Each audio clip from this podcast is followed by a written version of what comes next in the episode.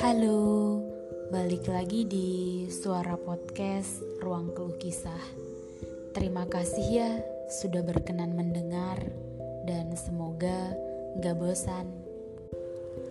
Oh iya, hari ini ternyata udah tanggal 9 Februari 2021. Hari Selasa kedua di bulan Februari. Kalau ditanya perasaannya kayak gimana, Rasanya nano-nano sih. Januari udah selesai sama tugasnya. Padahal tanpa kita minta untuk datang. Tapi ternyata datang sama pulangnya lebih cepat dari dugaan kita. Mau nolak tapi nggak bisa. Karena mau bagaimanapun harus tetap dijalani. Udah, jalanin aja, bersyukur masih dikasih sehat dan bisa bertahan. Itu kata mereka. Kalimat yang selalu gue dengar.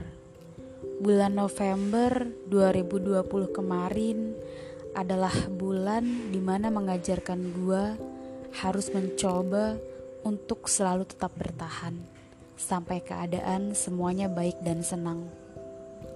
Untuk bisa bertahan sampai saat ini, Kadang banyak gak senengnya sih, tapi gak apa-apa.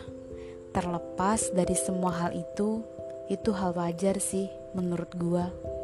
Karena kita hidup, balik lagi ke diri kita sendiri.